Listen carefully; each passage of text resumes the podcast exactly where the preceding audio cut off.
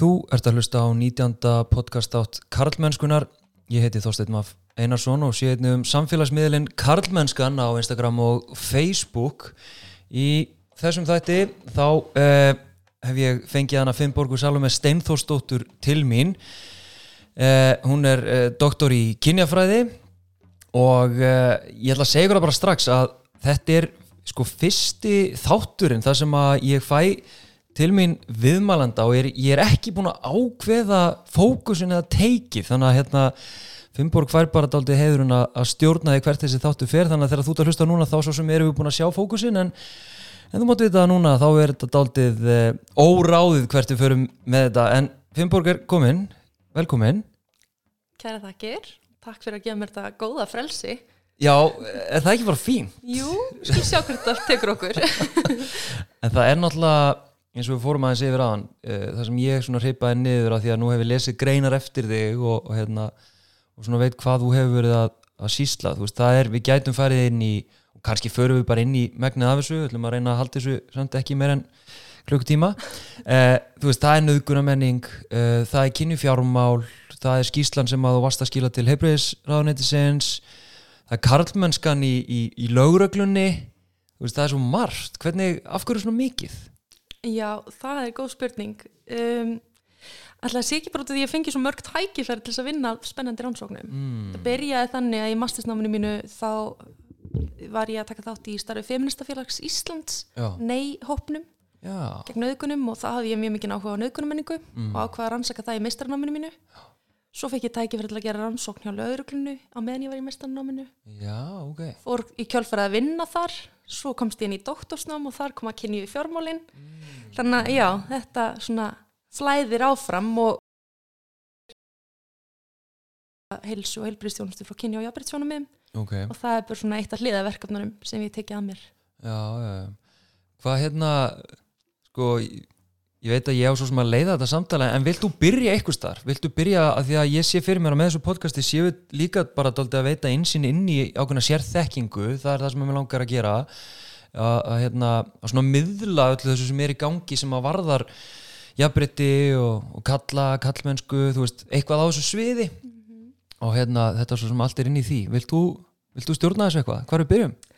Sko, við höfum náttúrulega rætt nöðgunamenningu áður Já. Viljum við fara út í það aftur eða veist, Sko- hvað hafið þið áhuga á? Já, það er góð spurning. Nú væri gott að vera svona live í útvarpi og geta svona fengið fólk til að ringa inn. Svona, Feedback hérna. like og hvað segið þið, hlustendur góðir, uh, síminn er, eitthvað svona. Nei, nei, við höfum ekki séns á því. Uh, ef ekki bara byrja á þessu nýjasta, Já. sem er hérna skýslan.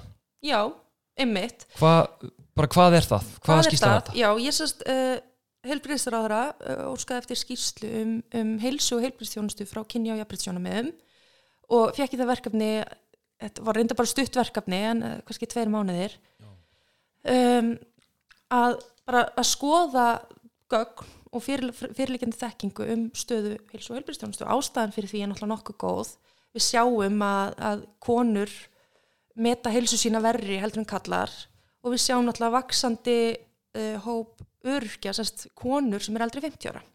Þannig að ég var raunin að rýna í hvað getur hugsanlega útskýrt þetta, af hverju er heilsa hvenna svona slæm, samborðið kalla. Ok, Og við sjáum náttúrulega, þú veist, jú, við heyrum alltaf, jú, konur hann að við lifa lengur en kallar, en það er eiga sko tvöfalt lengri sko tíma þar sem það eru búa við slæma. Þannig að kallar eiga að meðaltali, nú er ég ekki alveg ná- nákvæma tölunar, en mér minnir að kallar eiga að meðaltali nýju slæm æfi ár ok. en konur átján. Mm. um, þannig að hvað er það, hvað, af hverju, hvað skýrir það þannig að ég fór í þessa félagslegu þætti og við sjáum náttúrulega bara að það eru þessi, þú veist launaða, aðstæður í launaðri vinnu ólaunaða vinnan Mhm. uh, þannig að samspælið þessu milli veist, það eru fjárhagsli staða félagsli staða og svo í þokkabót þá sko eins og ég reyna að nálgast flest verkefnin er svona út frá markbreytileika vinklinum. Það Ok. er rauninni það eins og þú hefur oft talað um að ég meina kallar og konur ekki tveir einsleitur hópar. Þetta eru fleiri félagslega þættir sem skilgreina stöðu okkar. Já, þannig ég reyndi í flestum tilfellum að skoða uh, aðra þætti og við sjáum til dæmis bara fjárhúslegu þættin er stjætt fjárhúslega stjætt sko hefur gífilega áhrif þar. Það er bara stór hópur uh, kvenna sem og kalla, en sérstaklega kvenna sem eru í lagsta tekjuhófnu sem til dæmis hafi ekki efna á því að sækja sér heilbyrðstjónustu. einmitt Annar stór vingill sem hefur áhrif á heilsu er náttúrulega líka kynbundi ofbeldi. Mhm. Og við sjáum það bara í áfallasögu kvennaverkefninu. Mhm. Úst, áfallastreita hefur gíðvilegar afleðingar á heilsu og bara dagstæðilegt líf. Þannig ég er að, var að týna saman, draga saman þessa þræði ok, sem í rauninni útskýra af hverju konur búa við verri heilsu en kallar. Svo í þokkabót þá fór ég líka að kortleggja svona ímsa sjúkdóma og svona sjúkróslegur og heimsóknin lækna. Já, og við sjáum að, og bara rannsóknir sína það að það er þessar sko viðteknar hugmyndir um konur og kalla, kallmennsku, kvenleika mm. hafa áhrif á sko þjónustu. sem að læknar veita heilbrís Heilbriðskerfið, þú veist, þú mú farið í heilbriðskerfinu ok, og ekki bara út frá kyn, heldur líka öðru þættum, þáttum, til dæmis eins og holdafar ok. Og við sjáum til dæmis eins og í tengslum við holdafar uh, rannsóknir sína það að, að, að þú veist, feitt fólk upplifir að þegar fyrir til læknis að það sé alltaf sko útskýringin af vanda þeirra, heilsufarsvanda með þeirra með reykja til holdafars þeirra. Mm, sem er kannski ekkert ástæðan. En þegar við upplifum það að læknanir fara aldrei lengra í að skoða vandamálið. Ok það er bara að þú ert feitt uh, það sem gerist svo er að, að, að feitt fólk veigra sér þá við að leita sér helbyrðisjónustu og hilsa þeirra veistnar. Þannig að þið sjáu hvernig svona viðteknar hugmyndir, einhverju fordómar Vá. hafa áhrif. Og svona út frá kallmennsku pælingum þá var eitt rosalega áhverð sem ég rakst á, ég var sérst að skreina komur til sérgreinlækna okay. það eru þessi sem eru með samninga við tryggingar uh, miðstuð Íslands, minni með heiti.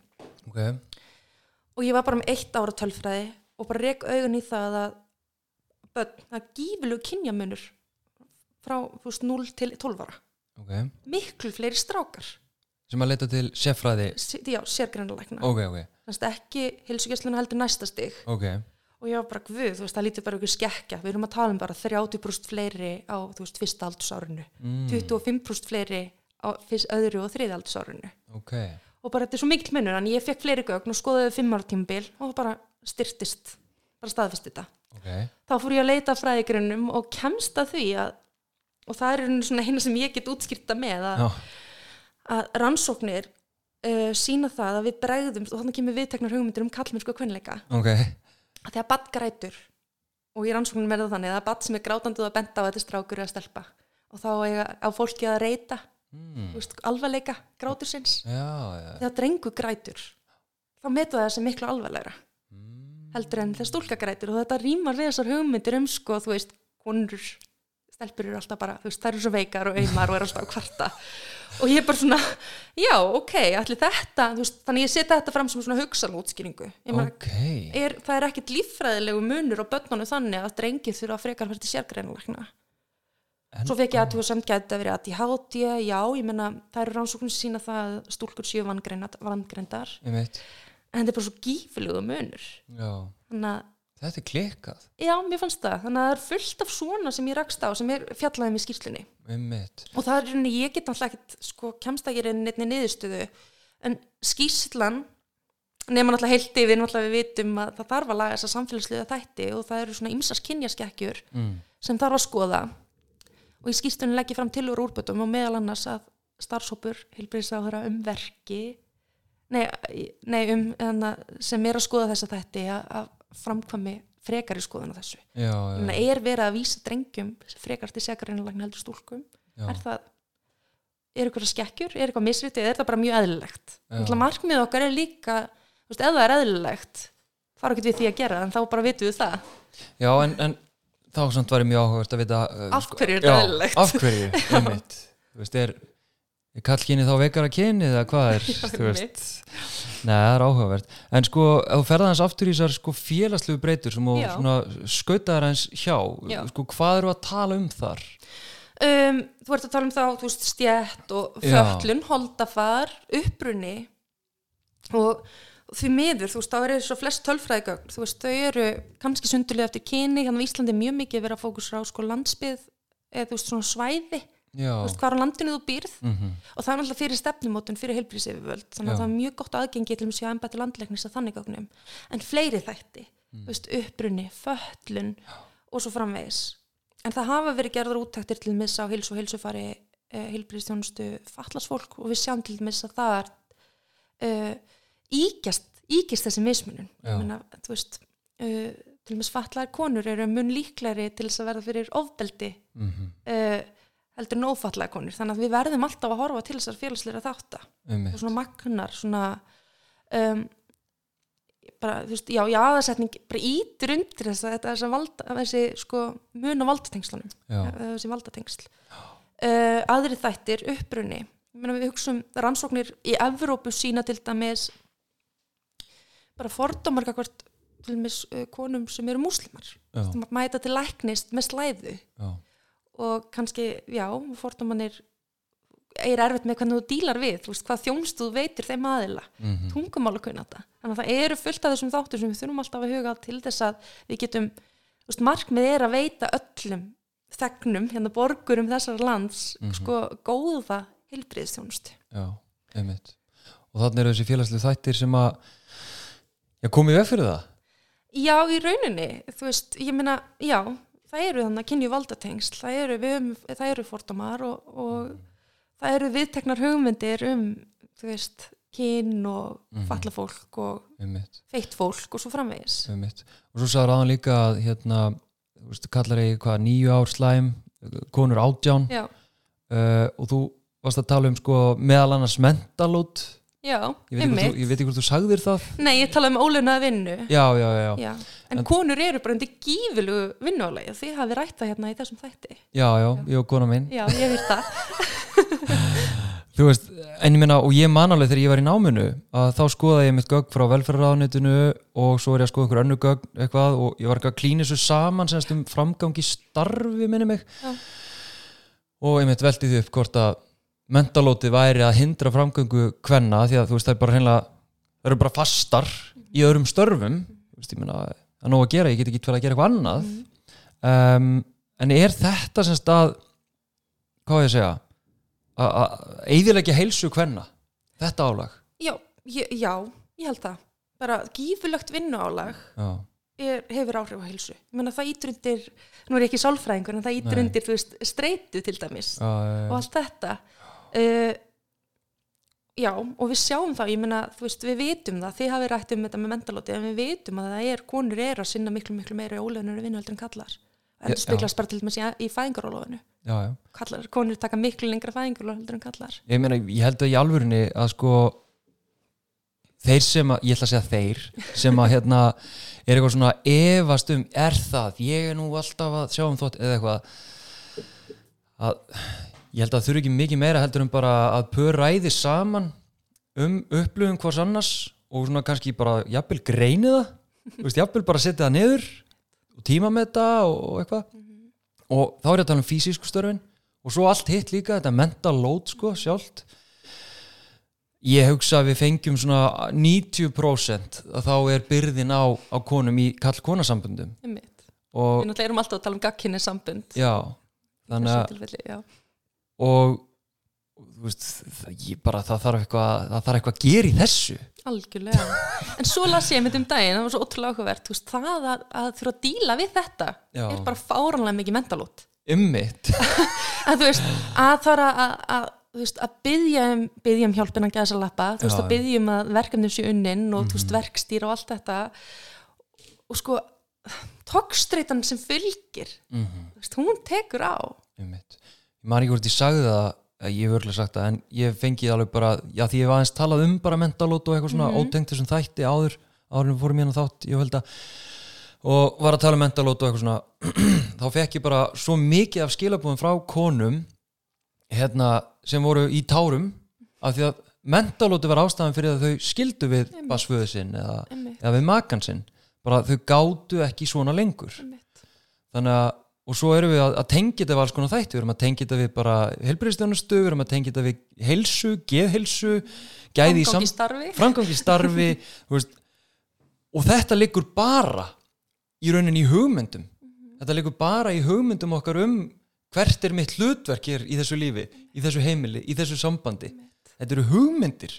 Það er svo klikkað að maður eiginlega bara þegar maður svona getur tengt þetta svona pinpointa þetta svona að þegar fyrir mér er þetta algjörlega kristalskýrt sko. Nátengtu hugmyndir um kallmennsku og, og þá kvenleika á móti.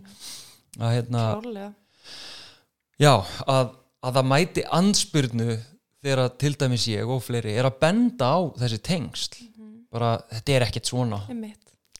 Bara í alvöru er, er, ha, er þetta ekki svona hvað í alvörunni, er þetta Við ekki höfum rannsóknir og reynslu. Já, það er klikkun sko. En hérna, en, En, já. bara til að bæta við um þetta sko, sko norrannar rannsóknir sína að ummunubyrði mm, er miklu hærri hér heldur en annars þar á Norrlöndunum. nú, Þannig að við sjáum að þú veist þetta er náttúrulega bein áhrif á það sem við Já. erum að tala með heilsuna. algjörlega. Já. ok, þetta er styrlað en hvað, hvað viðbröð hefur fengið við þessari skýslu?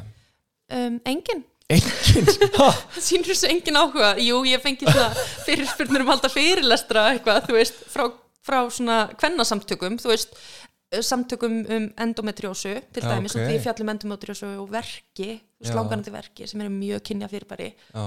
Um, uh, já, og þú veist BHM punktur. Ok, og podcastátturinn Kallmennska já, takk Vá, en áhugavert. Já, mjög svo.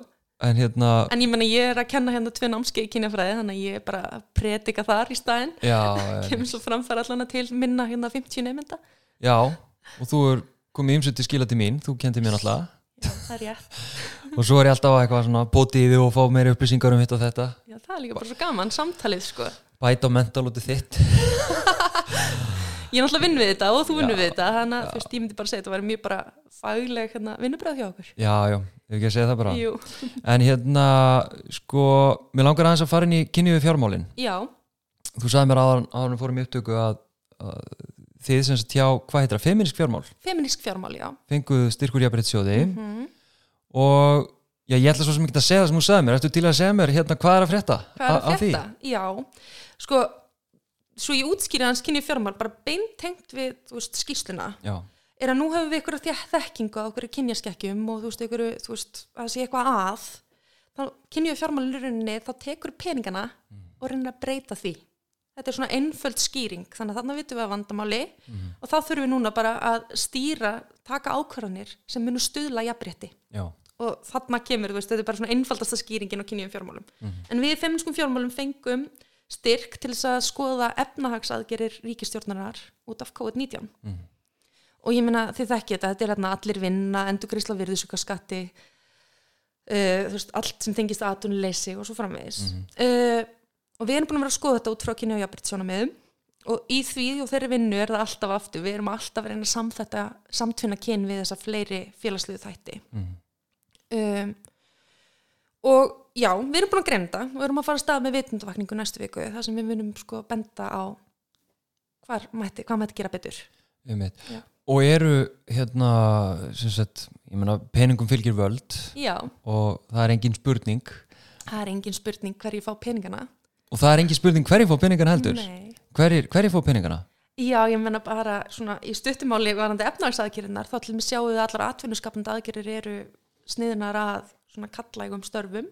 Það er talið, meiri sér sko ríkistjórnin hefur gefið út bara að þú lest á stjórn, stjórnaráða.is 85% starfa sem skapast út af þessum aðgerðum eru kallastörf Eins og hvaða störf? þú veist, byggingariðnaður, vegagerð og svo framvegis. Ok, og svo er til dæmis átakið allir vinna eða eins og við í feminskum fjármálum, kallum þetta kallar vinna. Það er þessi endurgreisla virðsökkaskatti þetta er hann að veist, þess að hvetjandi aðgerið, þú ert að fara í framgöndur á húsinu og þannig að fá smið og pípara og allt þetta. Já, og þetta er sko tekið úr uh, þetta, þetta er aðgerð sem var í hruninu þannig að hún er endur nýtt hérna núna. Ok. Svo var ákveða útvíkana og þá var hann að koma inn hérna bílaviðgerðir og eitthvað svona. Mm. en þú veist eins og feminsk fjármál og fleiri stjórnmálfólk hefur benda á hvað með þú veist annars konar störfinslumis bara hvað með hárgræslumeistara hvað með hérna að laga föt skilur þetta er ekki útvikað í þessu hefðbyrni kvennastörf. Mm. þannig að við, erum, við sjáum bara veist að allar þessi aðgerir eru til þess að, að stuðla að, að því að kallar fái vinnu. Uh, en þannig er þetta bara í mjög einföldu máli hérna sett fram. Uh, en við fókusurum líka mjög mikið á sko hvað verður eftir COVID. Ég menn nú erum við bara að dæla peningum í allskins úrræði og við erum mjög hlindar því nema við viljum líka til dæmis bara að það sé verið að dæla peningum í félags- og heilbyrðistjónustuna og skapa þar störf. Já, og þú veist byggja upp þessa innviði sem eru náttúrulega ennþá að jafna sig eftir já. uh, og við erum líka að tala um sko, það er alveg við því að búast að verði niðurskurður. Og mér skilst að ég bara verða niðurskurður strax á næsta ári. Já, þannig að við erum í rauninni líka vek, vekja aðtikla á því að, að hvernig verður skorið niður Að ætlum við að gera eins og hefðbundið er eftir greppu að skera niður í félagsvein og heilbyrðistjónustu Mhm. hvað gerist þá? Og þannig komum við inn á mentalótið aftur þú veist, ef við skerum niður í ummönnun eða bara, þú veist, sjúkranýmum hvert, þú veist, þessi sko þörf fyrir ummönnun verða ennþá til staðar hvert fer hún? Hvert fer hún þósteinn? Já, fer hún ekki á alla, alla feðurna og alla kallana? Jú, einmitt, mikið rétt? Jú, það er rétt, við, fá, við vitum það að þetta skila sér. Þetta er nefnilega þetta samspil, þetta fer inn á heimilin. Mhm. hver sinnir þeirri vinnu? Þannig að við erum alltaf að horfa á þetta launaða hagkerfi en líka þetta ólaunaða hagkerfi. Já, og það sem við erum verið að hvetja til það er að það vera beina peningunum til þess að, að þetta gerist ekki og ég meina þú getur gert það með því til með sem þetta að fjármagna hilbriðis og velferð þjónustu já, en hvernig færðu sko, fyrir mér, veist, ég skildi þú út að útskýrta fyrir mér Já. og þú veist, og ég svona eitthvað ringdi eitthvað smá, einhver, uh, einhverja greinar og eitthvað, en mér finnst þetta svo ógeðslega flókið að ná utanum kynni fjármál Já. og, og einmitt það sem þú, veist, fræðin einhvern veginn á bakvið þetta Mhm. hvernig kviknar áhug hjá þér að fara inn í þetta? Herðu, uh, það var auglýst starf sem doktorstum í kynjafræði. Og þá Ok. var ég nýbúin að vinna þarna rannsókn í, í löggunni og fannst bara geggjað að vera í rannsóknum. Já, og var komin bara í eitthvað skrifstofustarf hjá ríkislörgstjóra reyndar 50% og 50% fyrir mentamálarándinu þannig ég var bara komin í ofnbæra stjórnsýslu. Já, já, og ég sótt um starf og þrjá stöður auglistar og ég tók fram í umsóknina að ég hefði ekki áhuga á kynjuðum fjármálunum og svo ringir Þorgeir Rými og bara ég held reyndar að þú sett fullkomin í þetta starf. Og ég er svo þakklátt því að þetta er bara algjörð passjón í dag sko. um, og ég sko, þú veist eins og þú segir þú veist, þegar ég er að tala um þetta þá er þetta frekar einfalt. Og ég er ósamlega, ég held að sé bara yfir höfu mjög einfalt. Út af því að og er svo fyndi út af því að fólk sem yfirleitt er ekki að kaupa til dæmis kartmennsku pælingar já, eða kvenleika hugmyndir eða eitthvað svona það kaupir alveg niðurstöður kynjara fjármála við erum bara að sína fram í þannig að beinharða peninga. Uh, auðvitað þannig að þetta er rauninni endurspeglast þessi valdatengsl í hvernig við dreifum fjármjörnunum Mhm. og mér, það er svo geggja kvót hérna uh, sem Diane Elson vísar í. Og það er hérna uh, það er verið að tala um að veist, hvernig þú dreifir peningunum endurspeglar veist, virðið hvað við erum að meta til veist, virðis og hvað ekki. Mhm. Þannig að þú veist, það að við horfum bara á laun, hvernig við dreifum peningunum sem sko bara laun fyrir störf Mhm. það endurspegla ákveður eitthvað svona verðmætamat í samfélaginu. Algjörlega. Og það geta allir skilið það. En þetta er náttúrulega endurspegla bara þessi kynju valdatengsl sem við erum alltaf að tala um. Já, algjörlega. Mér finnst svona kynju fjármálinn hjálpa okkur að setja fingur á það fyrir fólk sem á erut með að skilja það sem þessar hérna, heimsbyggilegu pælingar um já, svona hugmyndakerfi já, eitthvað, einmitt, einmitt. Þannig, þannig að, já, einmitt ég meina fólk elskar gögn og elskar blákaldar staðreindir einhvern veginn, já, en svo náttúrulega er þetta þú veist, eins og með allt. Þú veist, það er náttúrulega bara ákveðin túlkun. Já, og ég meina uh, gott dæmi um þetta en eins og kynju fjármál í háskólanum það eru rannsóknum mínar, doktorsritger mín fjallaði um kynju fjármál í háskólasamfélaginu. Já, og það er ekki bara að skoða peninga til kalla og kvenna, heldur líka hefði kallaga og hefði kvenlaga. Og þar sjáum við þú veist þess að kallaga menningu við höfum ákveðnar fræðigreinar sem eru svona kallagar, það er þessi raunvísindi og verkfræði og þetta. Þessu konur eru ekki bara í miklu minnluta heldur hafa líka bara svona ákveðna menningu sem er mjög kallæg svo hefur svona kvenlægari greinar félagsvísindi. Og í rannsóknu voru að bera saman peninga til þess að fræðast við það. Ok.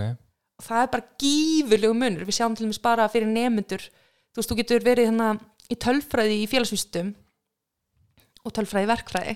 Ok, uh, ríki borgar þú veist, eitt gildi til félagsvísta en borgar kannski 1,6 fyrir þann nefnda sem er í verkfræði. Þannig að 60% hærri peningur fylgið þér uh, öðru hvort megin við suðugötuna í rauninni eða ert í verkfræðinni. Þannig að við sjáum og þarna tengjum við þetta bara við þetta gildismat. Ok. En veitu, hvernig, hvernig, sko að því að maður byrja alltaf að hugsa bara hvernig getur þetta gerst Já, það er nefnilega, þú veist, við vorum að kortleggja bara fjármunni, þetta er sérst hlut af evrósku verkefni, þannig ég var að rannsaka sérst kynni fjármál í sjö háskólum í Evrópu ok, og fókusar er náttúrulega í dóttursreitkina minna bara Háskóli Ísland, þannig ég var að kortlega fjármunni frá ríkinu til skóla, til deilda, til akademi starfsfólks, til nefnda og svo framvegis. Og við erum með þessar uh, svona, uh, ákveð, svona reikni líkan til þess að reikna út hvað kostar að reika nefnda í háskólanum. Og þegar ég var að vinna rannsóknum var bara eitthvað, já þetta er eitthvað sænst kerfi sem við tókum upp, svo var ég búið til Svíþjóðar að kynna og kannast veist, til svona, uh, svona gæða eftirlits yfir sænskum háskólastofnunum, kynna kynni fjármál þar í háskólum og þau kannist ekkert við þetta reiknilíkan. ok Þannig að þú veist, það er bara einhvern hugmyndir sem bara svona, ég skilur þið, þú veist, 20 árum setna er einhvern veginn ennþá og kerfi bara einhvern veginn svona flý, flæð, flæðir áfram Já, og svo svona fiffa til. Já. Og það sem við erum að gera þarna, ok, vissulega getur verið að sé dýrara námið í verkfræði og, og raunvísundum heldur en félagsvísundum. Mm. En það sem gerum með kynni fjármálum, við erum í rauninni að skoða hvar og bak við það. Mhm. Ok, ef það er ekki skilt skilgreint hvað kostar hvað, þá er það ekki réttmætt. Einmitt. Þannig að þú þarf að sína fram á það þannig að útreikninginni séu réttir. Mhm.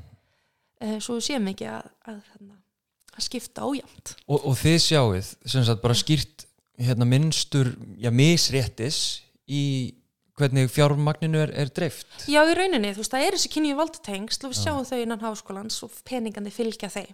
já, Þannig Að, og þú veist, það er margt, við vorum að skoða til dæmis bara, þú veist, oh, þetta er kannski svo leiðilegt út á sefni, en hann Nei. þú veist, að rannsóknstörfur metin, það er ákveðið stigamat, þannig að við sjáum að það, veist, það umbunar frekar þessum fræðigrunn og það sem við sjáum, Já. stuttumáli, er að, veist, framgangur þinn úr því að vera lektor í prófessor er mun hraðari að þú ert úr í þessum kallægugreinum heldur en, heldur en kvenlægugreinum og er það út af því að rannsóknar, þú veist, fræðafólkið í kvenlægugreinum séu svo lélegi fræðimenn mm. eða er eitthvað bóið í kerfinu. Það er alltaf það sem við erum að spyrja okkur. þannig að framgangurinn eh, Það er unni til þess að hækka í starfi. já, Já. Er, er, ertu að segja að það sé auðveldara semst, þú ferð hraðar í gegn Já, það er auðveldar að fá stíin. Já, og fá Það- stíin sem að meta framgangin Já, til þess að komast upp, sko. já, já, já. Það þýðir ekki að það sé eitthvað auðveld. Nei. Heldur bara að þú fær meira fyrir með spyrtingar og svo framvegis. já, já, þannig erum við komin í svona tæknir mér finnst þetta, mér finnst þetta sko mjög áhugavert Þetta er bara rauninni hvað stýrir peningunum. já, ég, þetta er það sem ég er að gera. einmitt og þú, þú talaður á um, ég veit ekki hvort að ég með því segja, þú talaður um nýfrjálsykju innan háskólans Að, þú veist, þetta er kannski ekki nýfrjálsíki, það er svolítið stort, en þú veist, við tölum um markasvæðingu. Þú veist, allt í nú, það sem gerist er að háskólar eru að byrja að keppa okkur mark markaði já, um að vera bestir í heimi. Já, og þú veist, við þekkjum þetta all hái ætla að vera ná topp 100 og svo topp 300 já, og til þess að ná því markmiði þarftu náttúrulega að skora á hvað hátt til í byrtingu fræðigreina og fá mikið rannsóknarstyrkum. Og þetta kerfi sem ég verið að, að, að rýna í það er svona umbunakerfi til þess veist, þetta er gulrætina til þess að fræðið fólki hlaupir ræða til þess að ná markmiðunum svo við hækkum þannig já, þetta er markasvæðing myndi ég segja mm. og þú vilt breyta þessu matskerfi já, klálega hvernig myndir þú vilja breyta þið? Ó, ég veit ekki, ég, na, jú, ég veit alveg, það er bara svo ótrúlega, ég held, ég tristi bara fólki til að vinna vinninu sína. hvaða fólki? Bara fræðafólki. Ég Já. held að við þurfum ekki að hafa eitthvað svipu á lofti, eitthvað við með að ná okkur um ákveðnum, ákveðnum fjöldum byrt, fjölda byrtinga og svo framvegis. Ok þannig að hvernig ætti að meta þetta? Ég bara held að fólk geti alveg sitt vinnu sína, þannig að ég bara að tala með þetta. já, hvað, hvað þýðir það? ég er að draga þetta upp á þér Já, það er bara, þú veist, hás, fólki háskólum er venjulega kannski 50% í kennslu og 50% í rannsóknum. ok, og ég meina að það er bara fullt af þáttum innan skólans og utan skólans Já. sem hafa áhrif á líf okkar já, og ég held að við eigum ekkert að drepa okkur á vinnu þú veist, til Já. þess að ná einhverjum markmiðum um x marka byrtingar, ég held að fólk muni alltaf vera metnaðfyllt í starfi sínu til þess að vinna sínur rannsóknum. Annars Já. væri það ekki í þessum störfum. Já, já, en nú erum við komin út í ógeðsla leiðilega taknilega pælingar fyrir hlustendur. Ég bara vorkinni þeim að hlusta á þetta. Nei, ég meina það velur bara að hlusta.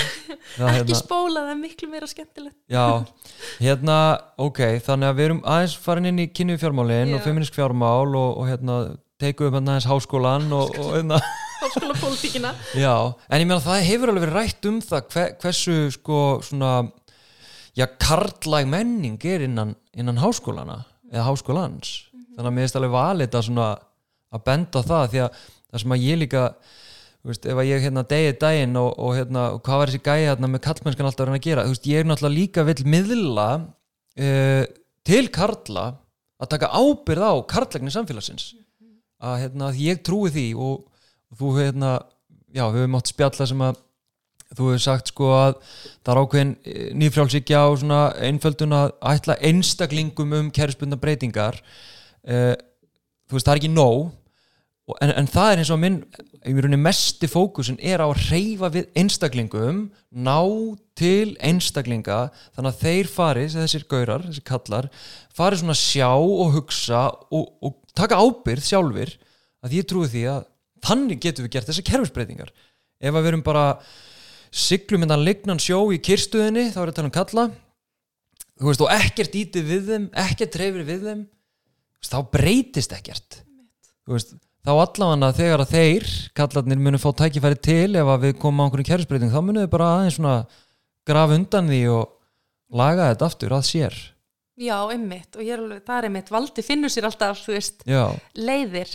Og ég, þú veist mér finnst samt þessi einstaklingsnálgun ótrúlega mikilvæg. Við þurfum bara að vinna á öllum vikstöðum og kynja fjármálinn það er í rauninni að knýja fram kerfisbreytingar. Ég og, og það hefur ekki komið fram en þú veist uh, í lögum um ofnverð fjármál þá er þetta lagaleg skild okkar. Við eigum að vera að, að stula jafnbreytti með fjármálunum. Já, og þannig að við höfum lagaleg skildina og þá, þessin eru þessar greiningar, við erum alltaf með þessar greiningar og þessi vitundavakning feminskri fjármála, það er líka til þess að íta við fólki við Já. höfum lagaskildina þá að vera að þessu ég mitt en af hverju ekki vera að þessu þannig að Já. það er það sem við erum að fara að gera með vitundavakninguna að snerta á þessu einstaklingsbasis Já. svo að það verði kerfisbreytingar En mér finnst bara svo skrítið kannski það bara að því ég er eitthvað einfaldur að við erum með núna ríkistjórn sem að ætti að vera eitthvað skona félagsíkju veist með þarna kapitali með sem en þú veist við erum með, við erum með já, yfirlistan feminískan hérna ráðherra, fósættisráðherra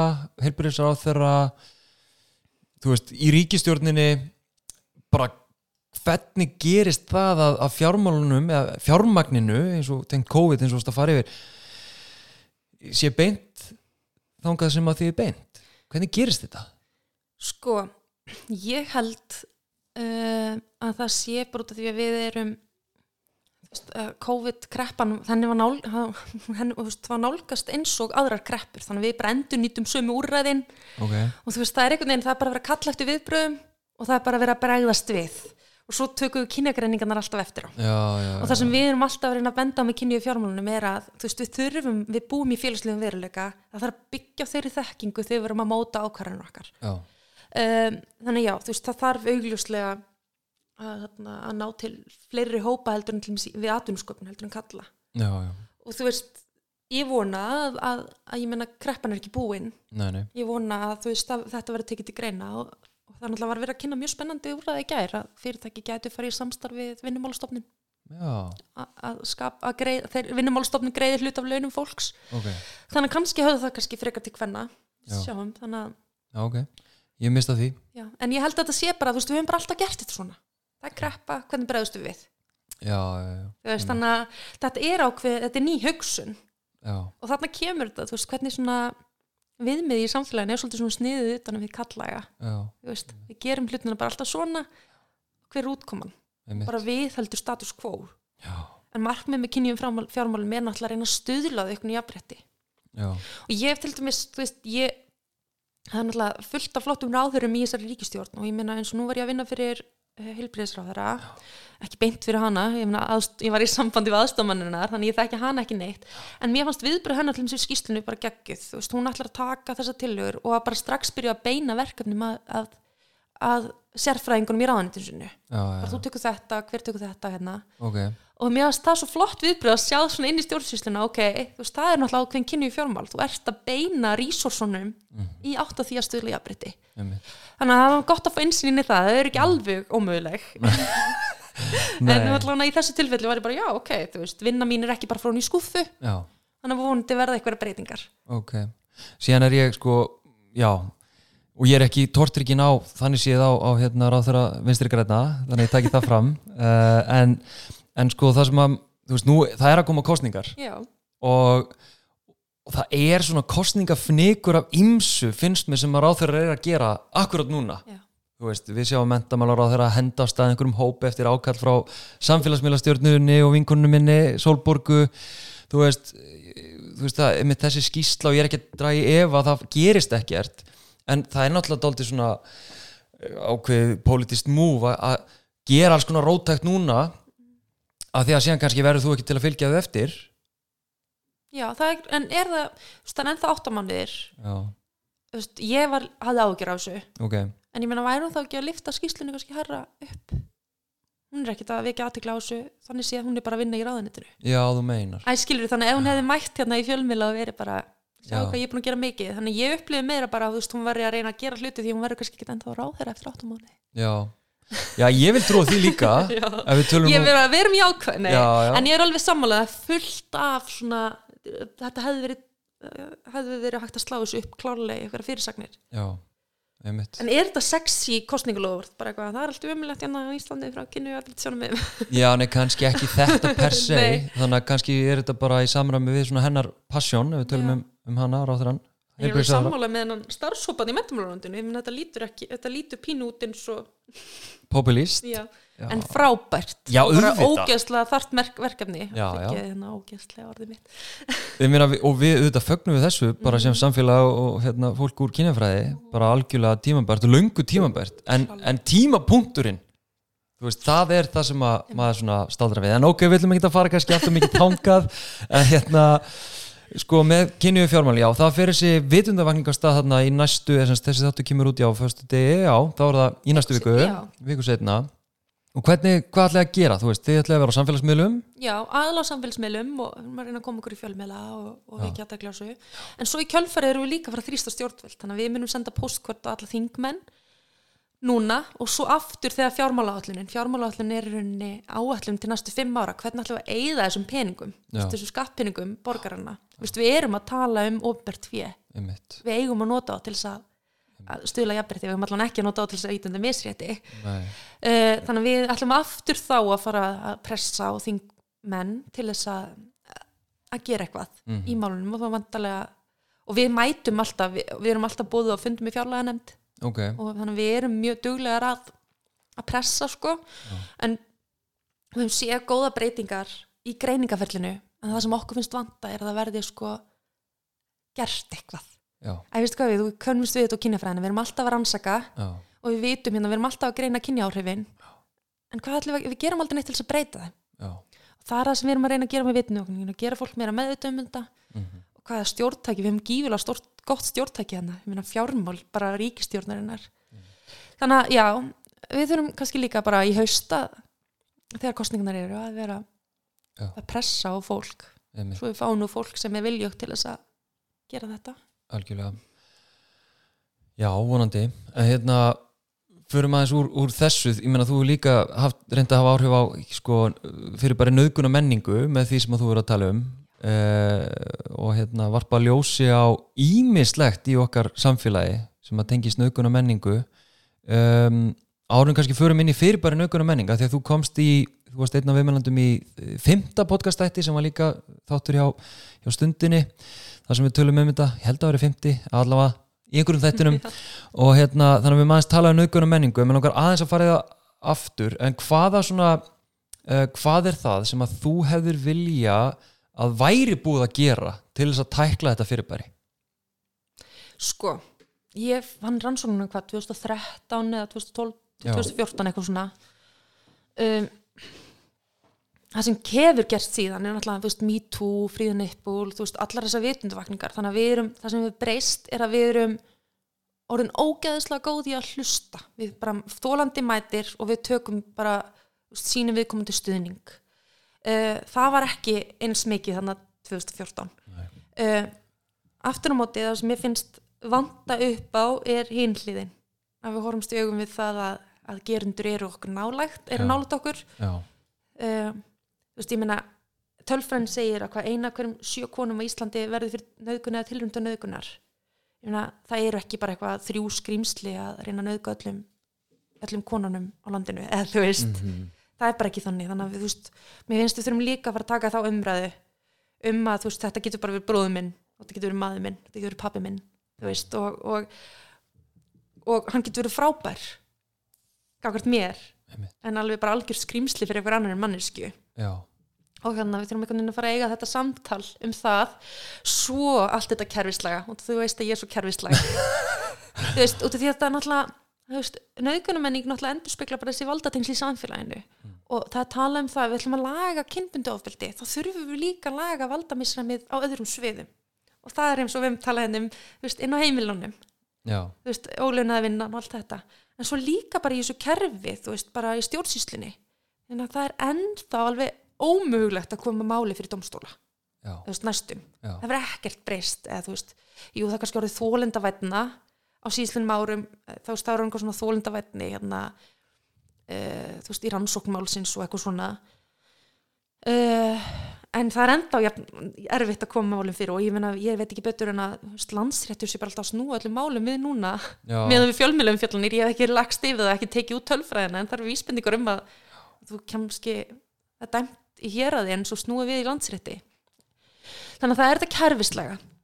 Svo líka bara, þú veist, völd í samfélaginu ég meina, við erum ennþá bara að sjá, þú veist, að, að, að konur hafi ekki sumu völd og kallar í samfélaginu, við horfum bara til þess að stjórnum fyrirtækja. Mm og þetta allt, bara það þarf ekki að við þurfum ekki að vinna að því að jafna þessi, þetta valdamisræmi. Og ég held að þannig munum, munum við ná sko árangur í, í ofbeldssumræðinu já, þannig að þetta er margþætt, það er bæði að horfa okkur nær, horfa stíðum vandan og líka bara stuð, vinna jafnrétti í stóra saminginu Getur aðeins útskýrt nánar sko, tengslin milli þessa valda misræmi sem þú nefnir sko inn á heimilunum og, og hversu bara einmitt já, hvernig valdatengslin byrtast allstaðar einhvern veginn þegar maður skoðar það. En tengslin við ofbeldi per se þú veist, þennan gjörning að beita eh, konur, að kalla beiti konur ofbeldi. Getur útskýrt þessi tengsl? Hvernig, hvernig þetta gerist eskalitast þannig? Um, sko svona út frá feminísku sjónamiði þá er það, þú veist, að ofbeldi er bara svona enn ein byrtingamynd sko valdnýðslu í rauninni og, og, og hérna, en þú veist já, þú veist, það er svona endurspeglar þetta, þetta valdamissræðin í samfélaginu. En sko ofbeldis hæðunin ein og sér hef ég ekki alveg nú er ég ekki alveg nógu góð í að svara sko, Nei.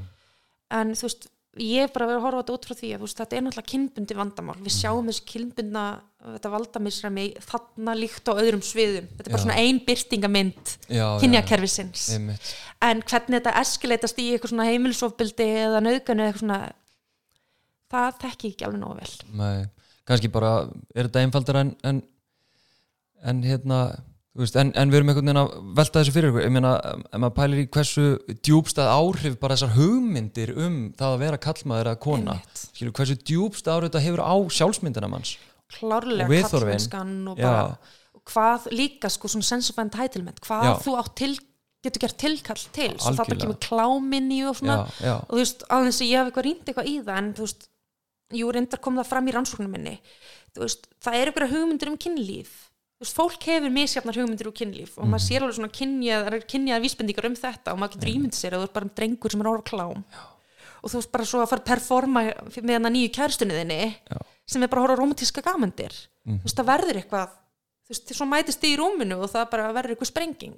Ég meina og stígamót hafa verið að tala um þetta. Já, Og með þau- sjúkást, emmi Já og líka bara, ég mitt, einmitt í sjúkást en upp úr náttúrulega viðtölum við brotaþóla sem leita til þeirra, einmitt. þar sem að þau hafa séð á síðustu árum, bara gigantíska aukningu á í rauninni uh, brotunum við klám. Emmitt og einmitt hafa verið að adressa það í sjúkást Einmitt, og mikið af þeirra sko, eh, fólki sem kemur til þeirra viðtöl sko, varð fyrir ofbeldi fyrst þegar voru unglingar til dæmis, Já. þannig að þarna sjáum við þú veist, þannig að þegar fólk er að stíga sín kannski svona fyrstu skref í kynlífi veist, er þarna nátengt þessari hugmyndum sko, það er ekkert allir gerendur vondir. Nákvæmlega, og ég er ekkert að reyna að afsaka brot þeirra engan veginn, þetta er engin hérna verumgun eða hérna karlkend það sem himpathy himpathy er svona hugtak um hvernig við svona um leið og Kate Manni talar um þetta um leið og við hann kemur fram hérna eitthvað sem gerandi þá vorkjum við honum meira heldur en þólandanum þetta er svona empathy, himpathy Við erum, við erum daldið þar. Við erum svolítið, bara allir bara allt, allur heimurinn er svolítið þar bara hérna, Sérstaklega ef kall kemur og bara já, sorry já, þá bara já, já, flott ég þér. Greið þú að hafa lendi í þessu. Og maður er bara eitthvað "Ah." þú veist, sko. og því, þú veist, ég er al- alveg á því að við þurfum að búti samfélagið sem kallar geta stíið fram, þú veist, kallar, segi ég, gerendur uh, stíið fram og geta axla ábyrð á brotum sínum. Og ég held að það sé eina leiðin til þess að þannig að fyrsta lagi bara við getum farið að horfast í augu vandan og ræði þetta. Einmitt, um, en já, mér held að þessar kallmennsku hugmyndir hafa gífilega, gífilega áhrif á ofbeldi.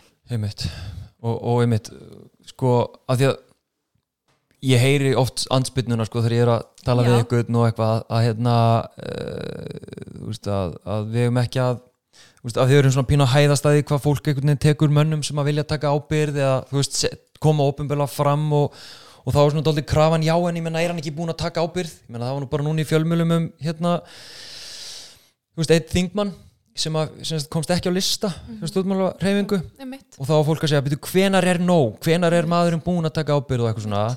En síðan að maður skoðar bara hvað þú og Hildufjóla og, og fólk svona sem að tala fyrir réttlæti brotaþóla eða réttlæti í, kerfin okkar og samfélagin okkar yfir höfuð hvaða kröfur rauninni gerum við sem samfélag og, og fólk sem að verður fyrir óbyldi það er meðal annars, ef við kvóta hérna Hildufjólu svona lauslega að ef þetta gerandi axli ábyrð eh, og svo líka fara nú rýminu. Sé ekki eins og í þessu tilviki stöðut í sjónvarpinu, stöðut í, hérna, á samfélagsmiðlum að hampa sjálfum sig hvað hann er ótrúlega flottur þingmaður að gera alls svona ógeðslega frábært. Gæinn sem að já, eftir því sem að ég best veit beitt ofbeldi. Og það sé svona áframhald af ofbeldinu.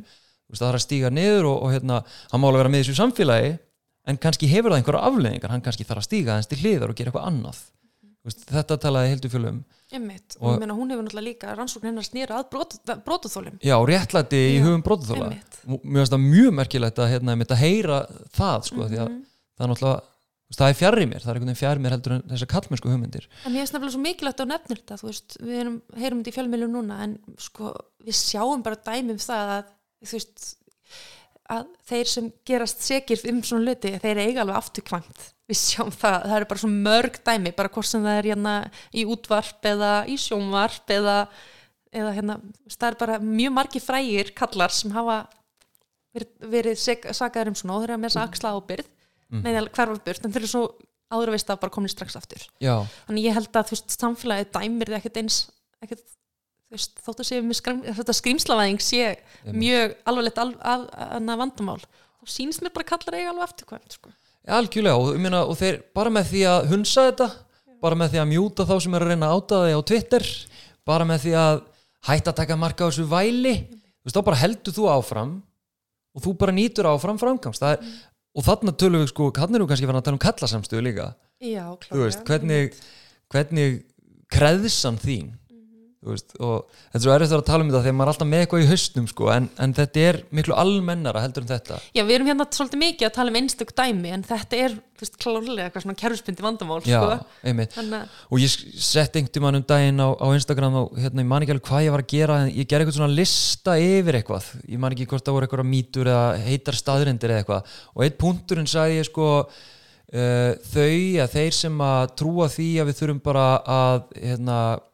eitthvað, koma skrýmslunum í burtu er að næra nöðgunamenningu Þú veist, og hann er að áarpa sko, einstaklingshyggjuna og þetta er ekki einstaklingar. Einmitt. en fólki fannst þetta mjög flókið. Ég fekk Einmitt. bara mjög mörg skilabóð þar sem að vera að spyrja byrju hvað áttæðilega við með þessu? Að þegar fólk trúir því að með því að fjarlæga gerendu með því að fjarlæga skrimslinn í burtu að þá leysum við ofbeldið. Þá leysum við nöðgunamenningu og þetta við heldur þessari hugmyndum að séu bara ykkur þrjú skrimsli að reyna að nauðgallum konum í Íslandi. Einmitt. Það eru, veist, þetta er bara fólk sem er nálægt okkur. Já, og við þurfum einhvern veginn að skapa samfélag. Fyrsta lagi náttúrulega fækka þessu fólki. Já, en, en já, það þarf að geta axla ábyrð á brotu sínum. Og ég menna ef við ætlum að halda áfram þessari skrimslavæðing þá stígur enginn fram og bara eitthvað að ég er skrimsli nei, Er nei, þannig, sko. nei, einmitt. Og þú veist, og þetta er alveg flókið þú veist, að því að einmitt, það eru bara ótrúlega margir gerendur og, það er náttúrulega mjög ábyrjandi svona í tengslu við Me Too að þá voru margir ótrúlega sekir bara voru að fatta alls konar hluti og eitthvað.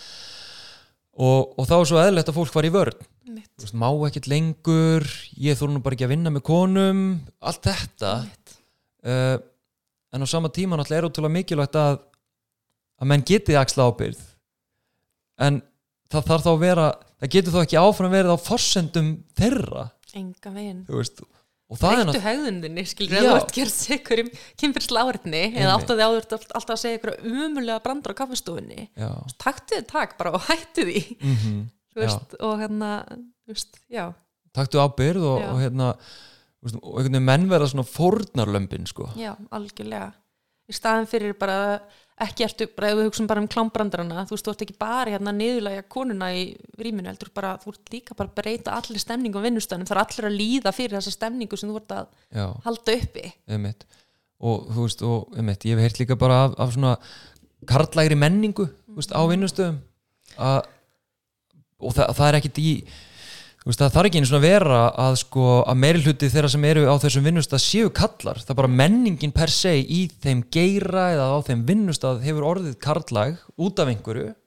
Og hérna, og þar nærist þá er svona, þá í rauninni ef ég held aðeins áfram með þetta þá geta konur líka bara verið að næra karlægnina með því að ganga inn í, inn í menninguna og, og hérna ég meina það er ekki eðlisíkja það er ekki Nei. eðli kvenna að, að, þarna, vera feminískar eða, einmitt, og klárlega, ég meina við erum öll hlut af saman samfélaginu. Já. og þú verður bara, þú veist, skólaðar í einhverjum kúltúr, hvort það er kallega kona eða kynsegin eða, þú veist. Einmitt, einmitt. En hann að, og ég meina þótt að ég talaði áðan sem félagsvísindi sem svona kvenlega grein, þá myndi ég samt segja að það var einu gæsalappa, ég meina sögulega er, er háskólinn bara mjög kallægur og það er ennþá sko leifar af mjög kallægum kúltúr og strúktúr til þess bara í Já. meira hluti kalla þú veist, konur eru búin að vera meira hluti brautskrána nefnd af háskólans en eru bara miklu minni hluta prófessora, mm. þá líka við um það að ég skilur þið þannig að þótt að þessi meiri hluti konur ég meina konur er í þessum sko láleina óryggu stöðunum halló, nýdoktor eins og ég Eh, þannig að eh, að meðan kallanir eru í þessum öryggu og þú veist vel launuðu, betur launuðu stöðunum já, um, ég ætla ekki að fara í kjara baróttu hérna háskóla fólks en, en já, þannig að þú veist þótt að þessi mikil meiri hluti konur innan sviðsins þá er samt eins og þú segir það er ennþá eitthvað svona kallaður strúktúr og kultúr sem við öll erum að leika með. Já og þannig ertu svona lauslega að dressa líka sem að ég rætti hérna þess við Þorgerði um, um hérna drengi í skólakjörunu mm að hérna sem að, já, reist upp í sumum. Að, að koma með annað sjónarhóttna á þetta sko. en, en það er líka við, við sjáum sko afleiðingarnar fyrir kalla allavega núna og síðustu kannski 10-15 árin afleiðingarnar fyrir kalla upp á bara uh, möguleika til starfsframa og launa og allt þetta. Það að þeir séu ekki mentaðir afleiðingarnar fyrir þá eru ekkit hræðilegar. Þannig séð veist, þeir eru í hæri, hæri hérna, störfum, þeir eru frekar stjórnendur, þeir njóta frekar framgangs og svo framvegis. ég sá sko pistil eða sko grein eftir Kolbein uh, Kolbein Stefánsson Okay? í stundinni, í síðust stund og þá var hann myndið að taka út laun. Og niðurstu hans er að sko laun kalla með bíagráðu er á pari við laun hvenna með doktorspróf. Mm, og ok, sér að mentun er ekkert að skila okkur nei. þarna hær í launum ekki hærri launum, ekki framgangi, ekki frekar stjórnundastöðum ekki stjórnustöðum og ég meina, svo er alltaf bara eitthvað já, ég meina, konur eru meira hluta núna þannig að það verður alltaf lægi, en ég meina, konur eru búin meira hluta síðan, þú veist, já, næstu í 40 ár að Í- þeirra sem klára háskóla. Jaha, svona lengi? Já, ég held 35-40 ár, ég er ekki alveg með að, já, en það er hátt í 40 ár. Þú veist, og samt er þetta enda svona innan háskólana, í atvinnulífinu og svo áhugavert, þú veist, í kynjakóta umræðinni, já, hvað er kallin bara hæfari já. En þú veist, halló, bara þetta að sjá hérna allt þetta, þú veist, ég menna konur eru 60% hvenna höfuborgarsvæðinu á sko vinnualdri eru, eru háskólamendar, Já, einmitt. En þá náttúrulega líka eins og valdi finnur sér nýja leið þá byrjuðu að tala um mentum skiptir ekki svo miklu það er reynslan sem skiptir öllu máli.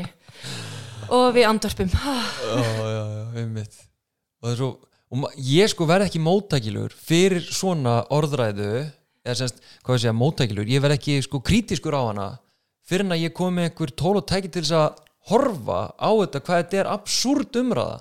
Og ég heldur sem líka kannski að díla við það við sem að erum svona að reyna að stuða samfélagið að, að fólk hefur kannski ekki endilega mér svo vond þetta kynjagliru konsept sko en að hafa ekki sín á kynnið valdatengsl og merkingu þess að vera einhvers kynns eða merking bakgrunns þín svo svo framvegis hvaða merkingu það hefur í samfélagslegu samengi og það er svo erfitt að fara að skýra út fyrir einhver sem hefur skortir algjör á hæfni til þess að skilja þetta að fara einhvern veginn í grunninn.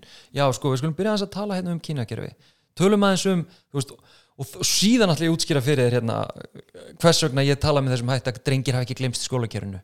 Eða hvers vegna við hérna andvörpum þegar við heyrum að heyrum að hérna að mentunir hætt að skipta máli. Skilur við þannig að og þess vegna kannski líka að fá feministkar konur sérstaklega svona mikla hatusvölda gaggrin á sig þegar að þær skipa hérna, grunnfræðslunni og fara beint í gaggrinina að þá sér fólk bara gaggrin og byrju hvað, má tala svona um kallmenn hatus orðar ekki að köllum þetta er bara rasismi ekki að köllum þetta er svo mikið af svona leiðurum En þarna er þetta akkurat það sem veist, við erum alltaf að tala um, veist, við þurfum, veist, þarna eins og með drengjáraðina, þarna er að horfa svo ótrúlega þröngt á skólakerfið. Strákar kunni ekki að lesa.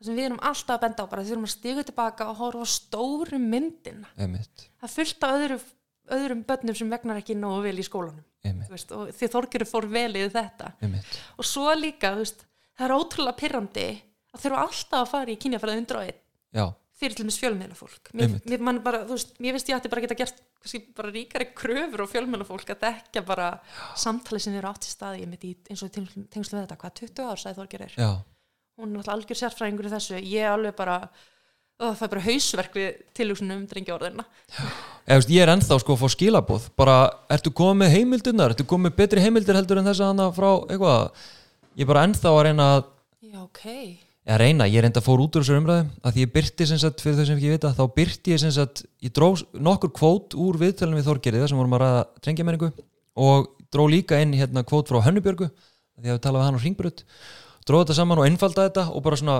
dundraði svo samfélagsmiðla. Og það vakti hressandi viðbröð sem að hérna og ég, þú veist, hefði ég farið inn í kommentarkerfin hjá mér og divaf og reyndi einhvern veginn svona henda fram heimildum sem að vera að krefja mig um það, það hefði ekkert skilan einu nei, það er bara allt og mikil vinna fyrir hvað.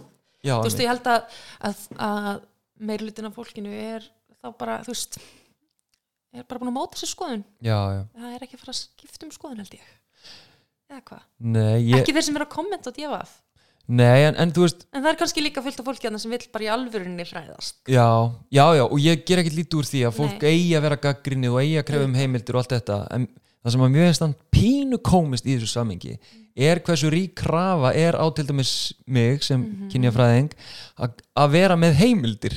Veist, ég er á samfélagsmiðli. Ég er ekki í akademíinu sko. Ég er á samfélagsmiðli og hérna þú veist á meðan að fólk kannski er að pikka upp skoðanir sínar og, og viðþorf og sína heiminn já ekki úr rítrindur um fræðigreinum ég er bara fullir það, fólk er ekki með rítrinda fræðigreinar. nei, eða einhver haldbar, handbar gögn bara já svona er þetta ert þú að segja þetta? Býtu, ertu, ertu með gögn? Mín gögn segja allt annað. Þú- Þetta, þetta er ekkit samtal milli gagna eða sjónarhóðna.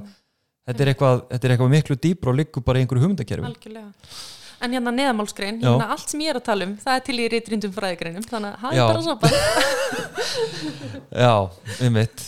Og, og einmitt. Og ég er ofta að kvóta fólk eins og þig, skilur Þannig að já, Ég er að- ég er að- verða ekki á djafaf ég, er- ég mun hérna, ég mun draga eitthvað út og, og, og blammera þig hérna eftir þetta vital. Nei, nei. En við erum búin að vera rosa mikið að tala um í rauninni, þó við höfum farið í gegnum öll þessi topic, þá höfum við kannski þemað í þessu eru, eru valdatengsl. já, alltaf, þú veist, það er undirleikindi tónnin í, í þessu samtali um, og við erum að tala um sko, við erum að tala um heilbriðis hérna e, já, heilbriðiskerfið okkar við erum að tala um e, fjármálin við erum að tala um naukunamenningu allt kemur þetta einhvern veginn að þessum valdatengslum um, þannig við ættum að geta breytt öllu í einu er það ekki, með því að breyta þessum valdatengslum eða hvað? Jú, það er, ég held það. Við hefum aldrei gert það þannig að, en jú, ég held það. Meina við sjáum bara ávinning þú veist, af, Já. og ég meina OECD vill meina þú veist, og ég er engin hagfræðingur og OECD vill meina þú veist, að 10-15% af hagvexti á Norðurlöndunum meiri ekki til jafnréttis. Þannig, þú veist, við sjáum Já. líka bara að þú vilt fá fjárhagslega rauk fyrir jafnrétti. Já, þannig að já um, en ég tek fram, ég er ekki hag, hagfræðingur en ég get sendt ykkur á OECD heimild já, en, þarna, en punkturinn er veist, að, þú veist, jú, það er við sjáum bara ávinninga af því já. Einmitt. þau sem er að kröfa með um heimildir, ég held að þau séu ekki að hlusta á podcasti sko. Nei, Þannig að það er, það er bara fólk sem les fyrirsagninnar nú ætlum ég að vera með fórduma en, hérna, en það er svona mín tilfinning að þau sem að hlusta á podcasti eru, eru meira svona áhugasum og, og vilji alvörni fræðast. Þannig að þess vegna held ég þetta samtala okkar alveg áhugavert það sem þú verður að segja og skýra og lýsa. Og ég er mjög spenntur að heyra hérna, eða sjá vitundavakninguna Já, uh, og hvernig framreiði þetta? Er mjög spennt að sína þér í næstu viku. Á hvaða, á hvaða miðlum er þið? Instagram Ok, og Facebook. Ok, og og heitir, Twitter, heitir feminisk fjármál? Feminísk fjármál. Ok, á öllum þessum miðlum? Öllum þessum miðlum. Ok, hvað hérna, svona að við ætlum að reyna að draga þetta eitthvað saman. Uh, er er eitthvað sem við höfum farið yfir nei ekki farið yfir sem að þú svona þú brennur, það brennur á þér að að takla?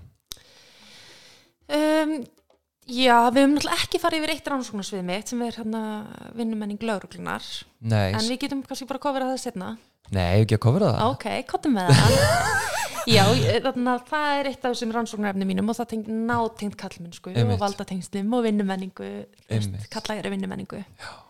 og kynferðisleiri áreitni það er rauninni tengir allt sem við erum búin að vera að tala um sko. já, ég mani mitt ég hérna lasi þetta í náminu mínu.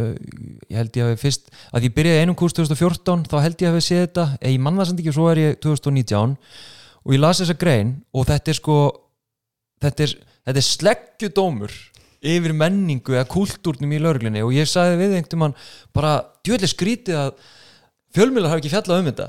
Og þá sagði þú, fjölmjölar fjallaði alveg um þetta? Þá bara fór það algjörlega fram með mér. Já, það var bara, þú veist, ég hef aldrei fengið að miklu fjölmjöla aðteglu þá, sko, það Nei. var bara hérna sér dálkur á vísið að fréttablaðinu sem var bara vinnumenning lauruglunar Einmitt, og þetta er 2013 Já, uh, 2000, jú, 2013 Ok, og ef þú bara fyrir þau sem að ekki vita, hvað er það sem að þú, já, ef að segja, dróst fram? Um, já, í rauninni ríkslauglustjóri vildi fá að vita af hverju uh, konur væru ekki að ná framgangin á lauruglunar, þú veist, hækka í starfstögum og lauruglumæður allavega upp í að vera yfir lauruglþjótt Ok, og, og þú veist, hafði hugmyndur um það að það væri út af því að svona konur, hent, þetta, hent, þetta starf henda illa, illa konum til þess út frá heimilis ábyrð og svona. Ok, um, þannig að við Gíða Margrét Pétursdóttir fórum að staða með rannsókn og lögðum svona, við vildum meina að þetta væri freka kannski svona menningalegt, tengt vinnumenningunni kallmennsku, kvenleika Ok. stíðandi kvenleika. Um, þannig að við fórum og lögðum fyrir uh, lögreglu fólk uh, könnun og tókum líka viðtöl eða ég tók líka viðtöl og þar í rauninni kortluðu allast að þætti, þú veist, samspil, fjölskyldu og, og, ein- og atvinnulífs einelti, kemur áreitni uh, já, bara svona alls konar þætti í vinnumkörunni, vinnaðastöður og annað slíkt.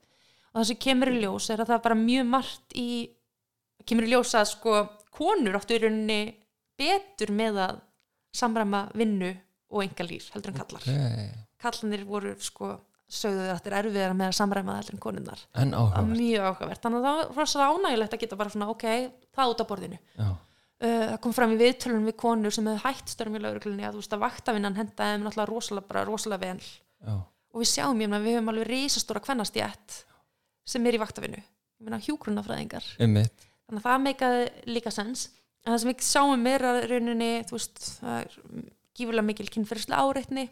Uh, þrjú- 31% kvenna í lauruglun hefðu orðið fyrir kynferðislega áreitni. Kallar aðeins 4% Já. en það var líka eðlisminnur á því konur eru fyrir á- áreitni að hálfu samstarfsmanna sinna eða yfirmanna.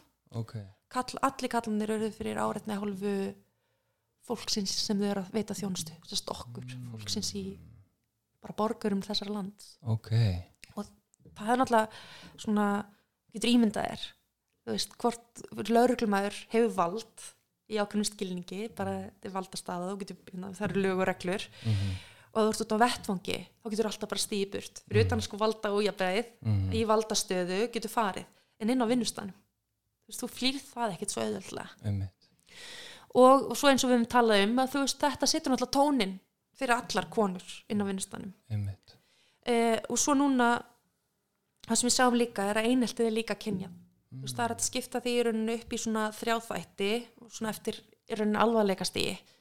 Og kallar eru að verða meira fyrir svona skólun svona, þú veist, svona eins og við sjáum í íþróttum. Já, já, já, veist, þannig svona bullying, svona hvað kallast þetta? Moping, nei, æ þetta er svona að við tekjum þetta í íþróttunum hérna að flengja og allt þetta. mhm, en konur verða fyrir meira svona útilokunar aðferðum í eineltinu. Ok, þannig að við sjáum að þetta er svona kynbundi einelti ok, ok líka. Og við þegar í svona mynda út frá því að þú í rauninni að það er eh, verið að reyna viðhalda þessum kynjuðu valdatengslum innan lauruglunar svo erum við með nýja grein sem er að koma út. Ok, uh, sem var að fá mjög jákvæð viðbröð frá Policing and Society sem er mjög flott uh, afbrotafræðtímaritt ok. Og þar er við að skoða þetta út frá aldursbreytunni. Og þar sjáum við að kallar þú- við tölum alltaf um þetta sé alltaf að koma með kaldavatninu. Já, en kallar, yngri kallar í lauruglunni eru mun íhaldsamar ef neikvæðri hugmyndi hvort lauruglukonum heldur en eldri kallar. Og þá spyrjum við okkur af hverju þetta já, halló, við búum bara með miklu betra meira jafnbreytti og við, svona út frá feminískum kenningum, þá náttúrulega er og kallmennsku kenningum, ég meina eins og Kimmel hefur talað um, the sense of entitlement sérst að þú gerir tilkall til einhvers. Þannig erum við svona völd hefðbundna kallastjætt og allt inn eru konur komnar inn og það er frekar háðar umræða að þurfa að fjölga konum. Mhm. en þú veist, en þú ert þarna og þannig að þú vilt ná framgangi og þú upplifir þá kannski að konurnar séu svolítið fyrir þér eða taki eitthvað sem þú átt Mhm. en, en átti kallinn þessar stöður fyrir, fyrir. Mhm. þannig að þetta er þannig vangaveltur svo líka að koma upp hugmyndir eins og fyrir rétirinnunum er það kannski út af því að veist að eldri kallinir eru bara eitthvað reynslu meiri eða, Mm. veist, jú, vissulega en, en og konun eru klálega ekki ógna þeim nei, þannig að það er kannski einhver ógn einmitt sem útskýrir og við sjáum þetta tengist rosalega þessum hugmyndum um hinn sko ef við tölum út frá kallmennsku þú veist ráðandi kallmennska Mhm. hver er ráðandi kallmennska lauruglunar? Jú, það er eitthvað svona sérsveita maður, styrkleiki, þól, bissa Mhm. og við sjáum að, og það get ekki allir kallar uppfyllt þessa hugmynd.